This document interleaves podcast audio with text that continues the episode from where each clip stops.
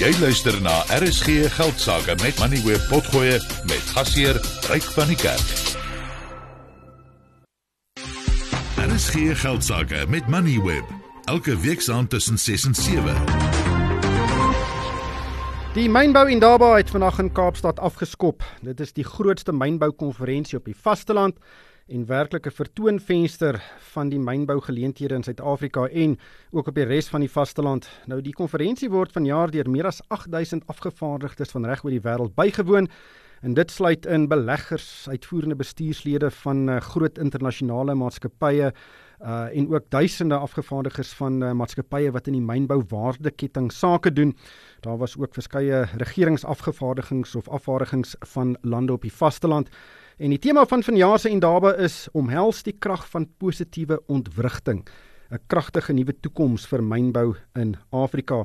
Johan Kutse is die hoof van mynbou en minerale by DSS Plus en dit is 'n mynbou konsultasiegroep. Johan, baie welkom by die program. Uh, die 8000 afgevaardigdes is skynbaar 'n nuwe rekord. Ehm um, dis nog nie altyd 'n aanduiding van belangstelling as daar baie mense by 'n plek opdaag nie. Ehm um, veral nie in Kaapstad nie en veral nie as dit koud is in Europa en uh, is lekker sonnig in die Kaap nie. Uh maar dink jy hierdie meer afgevaardigdes beteken daar is dalk bietjie meer belangstelling in mynbou op op die vasteland en in Suid-Afrika. Ja, goeienaand Raai, ja, baie dankie. Dit dis uh, dis interessant dat jy dit noem. Ek meen die 8000 afgevaardigdes kom uit 126 verskillende lande. En ek dink die gesprek vind plaas binne 'n konteks waar daar mense oor die industrie eens is dat Afrika 'n groot rol moet speel in die voorsiening van kritiese minerale. So ek dink daar is definitief 'n saak om uit te maak vir die feit dat dit 'n teken is van belangstelling um, en definitief 'n opgewondenheid maar ook dink ek 'n bekommernis binne in die industrie ehm um, van waar die voorsiening van al hierdie kritiese minerale vandaan gaan kom. Ja, kyk, die minerale is in die grond, dit moet uitgehaal word, dis 'n duur proses om te doen. Dis langtermynprojekte, daar moet sekerheid wees. En ek het nou verskeie berigte gelees oor wat uh, president Cyril Ramaphosa en die minister van minerale bronne en energie, Gwede Mantashe, um, gesê het hulle was vandag by die um, Indaba en dit was my baie dieselfde boodskap as 'n jaar gelede. Dit veral rakende die Suid-Afrikaanse bedryf waar ons het logistieke probleme, ons het, het elektrisiteitsprobleme. Ehm um, en maar ons is in die proses om dit reg te stel, maar dit was dieselfde boodskap as laas jaar. Waar is Suid-Afrika nog op hierdie beleggingsagenda op die vasteland? Ja, ek dink daar's daar's 'n uh, daar's 'n redelike konsensus oor die feit dat Suid-Afrika 'n belangrike rol moet speel binne in die breër konteks van kritiese minerale. Ek dink in die konteks van die gesprekke wat hier plaasvind en ehm um, op die op die rug van die president en die minister van minerale en energie sake se toesprake. Ek dink die konteks vir daai ehm um, werk wat moet plaasvind en die verandering wat moet plaasvind, dit 'n klein bietjie verander. In die sin dat baie ander lande wat ook hier verteenwoordig is, gee dieselfde boodskap aan beleggers om te sê kom belê kom belê in ons land ons gaan die probleme oplos rondom infrastruktuur um, ons gaan vir julle die omgewing skep waarin julle kan belê ons gaan julle sekuriteit gee van julle um, mineraalregte en ons gaan julle help om hierdie produkte te te um, uit te voer of of wat wat ook al die vereiste is rondom waar in hierdie verskillende waardeketting die die lande moet wees so ek dink die die konteks vir Suid-Afrika as dit daar nou op die vasteland baie kompetisie is ehm um, vir beleggers se aandag. Ehm um, en ek dink dit is dalk belangrik dat dat al die rolspelers uh, moet bewus wees daarvan. So as ek reg verstaan Afrika of ander lande in Afrika begin baie aanloklike aanbiedings maak vir beleggers en sê luister julle is groot internasionale groepe julle weet hoe om uh goed te myn kom myn in ons lande en ons gaan dit vir julle die moeite werd maak. Ehm um, en dis nie heeltemal die boodskap wat Suid-Afrika el, elke dag uitdra nie. Ja, ek meen om om by te voeg by wat jy gesê het, ek dink baie van die lande het so ver gegaan om om om, om via die regerings te sê dat daar self hulp sal wees vir junior mynboumaatskappye. Ehm um, en ook belegging van die regering se kant af om ehm um, om eksplorasie aan te moedig binne in die lande. Nou soos jy self reg ook gesê het, mynbouprojekte vat 'n lang tyd om te ontwikkel en 'n groot tyd hoeveelheid tyd word spandeer in die in die eksplorasie gedeelte om die om die geologiese ehm um, formasie te definieer. So baie van hierdie lande het ook gesê hulle is bereid om aan daai kant van die ehm um, ontwikkeling betrokke te raak. Ehm um, wat wat verseker die landskap so klein bietjie verander. Watter lande in Afrika dink jy het 'n goeie prospektus wat hulle op die tafel sit wat dalk 'n goeie innoverende idees het om belegging te lok? Wel, ek weet nou was vandag al 'n klomp toesprake van baie verskillende lande, ehm um, baie van hulle uit Wes-Afrika. Ek ben onlangs was daar baie ontwikkeling in Botswana en lande net in ons eie ontwikkelingsarea. Ehm um, daar's definitief teenwoordigheid van Namibië en 'n paar van die ander lande in ons onmiddellike omgewing. So ek dink daar's meer as genoeg ehm um, spelers in daai omgewing wat wat kompetisie sal wees vir Suid-Afrika. En tussen die voorleggings en die toesprake deur daar in die wandelgange, daar waar mense koffie en 'n tee drink, eh, wat wat is die die trant van uh die gesprekke veral oor Suid-Afrika? Ja, ek dink weet ons is nie immuun teen teen die onsekerheid wat bestaan wêreldwyd nie. Ek dink daar's baie geopolitiese onstabiliteit wat baie onsekerheid veroorsaak in die kommoditeitsmarkte. So daar's baie gesprekke rondom daai onsekerheid. Ehm um, daar's ook die wêreldwye tendens dat 'n groot hoeveelheid mense wêreldwyd in die volgende jaar ehm um, deur een of ander vorm van verkiesing gaan gaan Suid-Afrika uh, is maar net een van die lande waar daar 'n verkiesing gaan wees.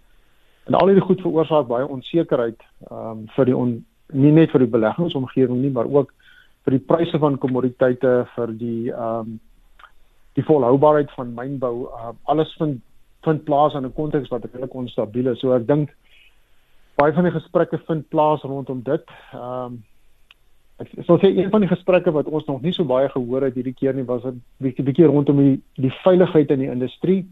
Ehm um, ons sou graag uit ons perspektief uit baie meer gesprekke wil sien rondom hoe maak ons die industrie inherënt veilig om mense om in te werk.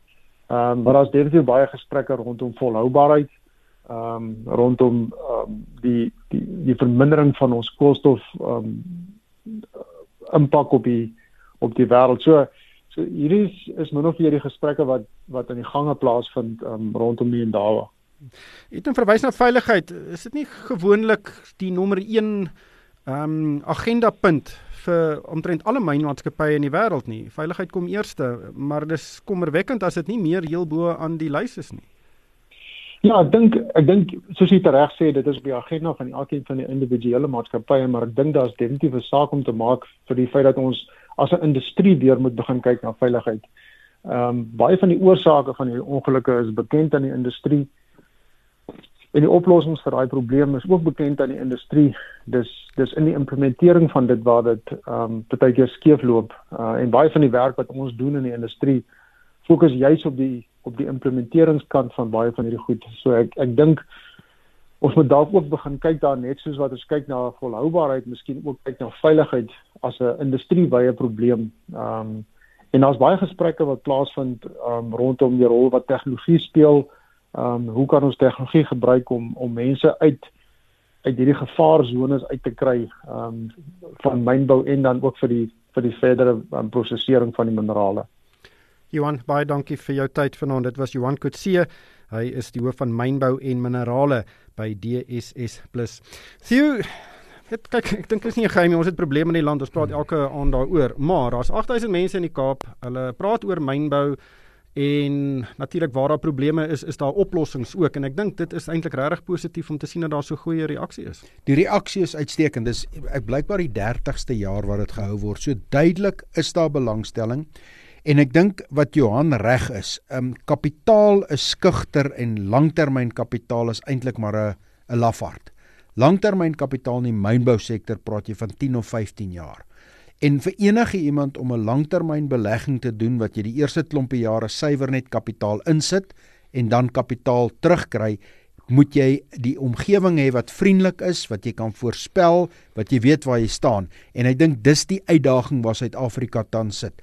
Ons sukkel om 'n saak uit te maak oor oor 'n 10 of 15 jaar belegging gegee word die onsekerheid. En ek dink dis waarom dit belangrik is dat ons net soos baie ander lande ons infrastruktuur sal moet regkry en die raamwerk sal moet skep dat kapitaal bereid is om 'n 10 en 'n 15 jaar siening te vat sodat ons die voordele van 'n kommoditeitsdraai kan kry. En Johannes heeltemal reg baie van die met, van die elemente die metale die minerale wat nodig is in hierdie groen beweging is in Suid-Afrika en ons sal net eenvoudig ons huis in orde moet kry sodat ons die vrugte daarvan kan pluk.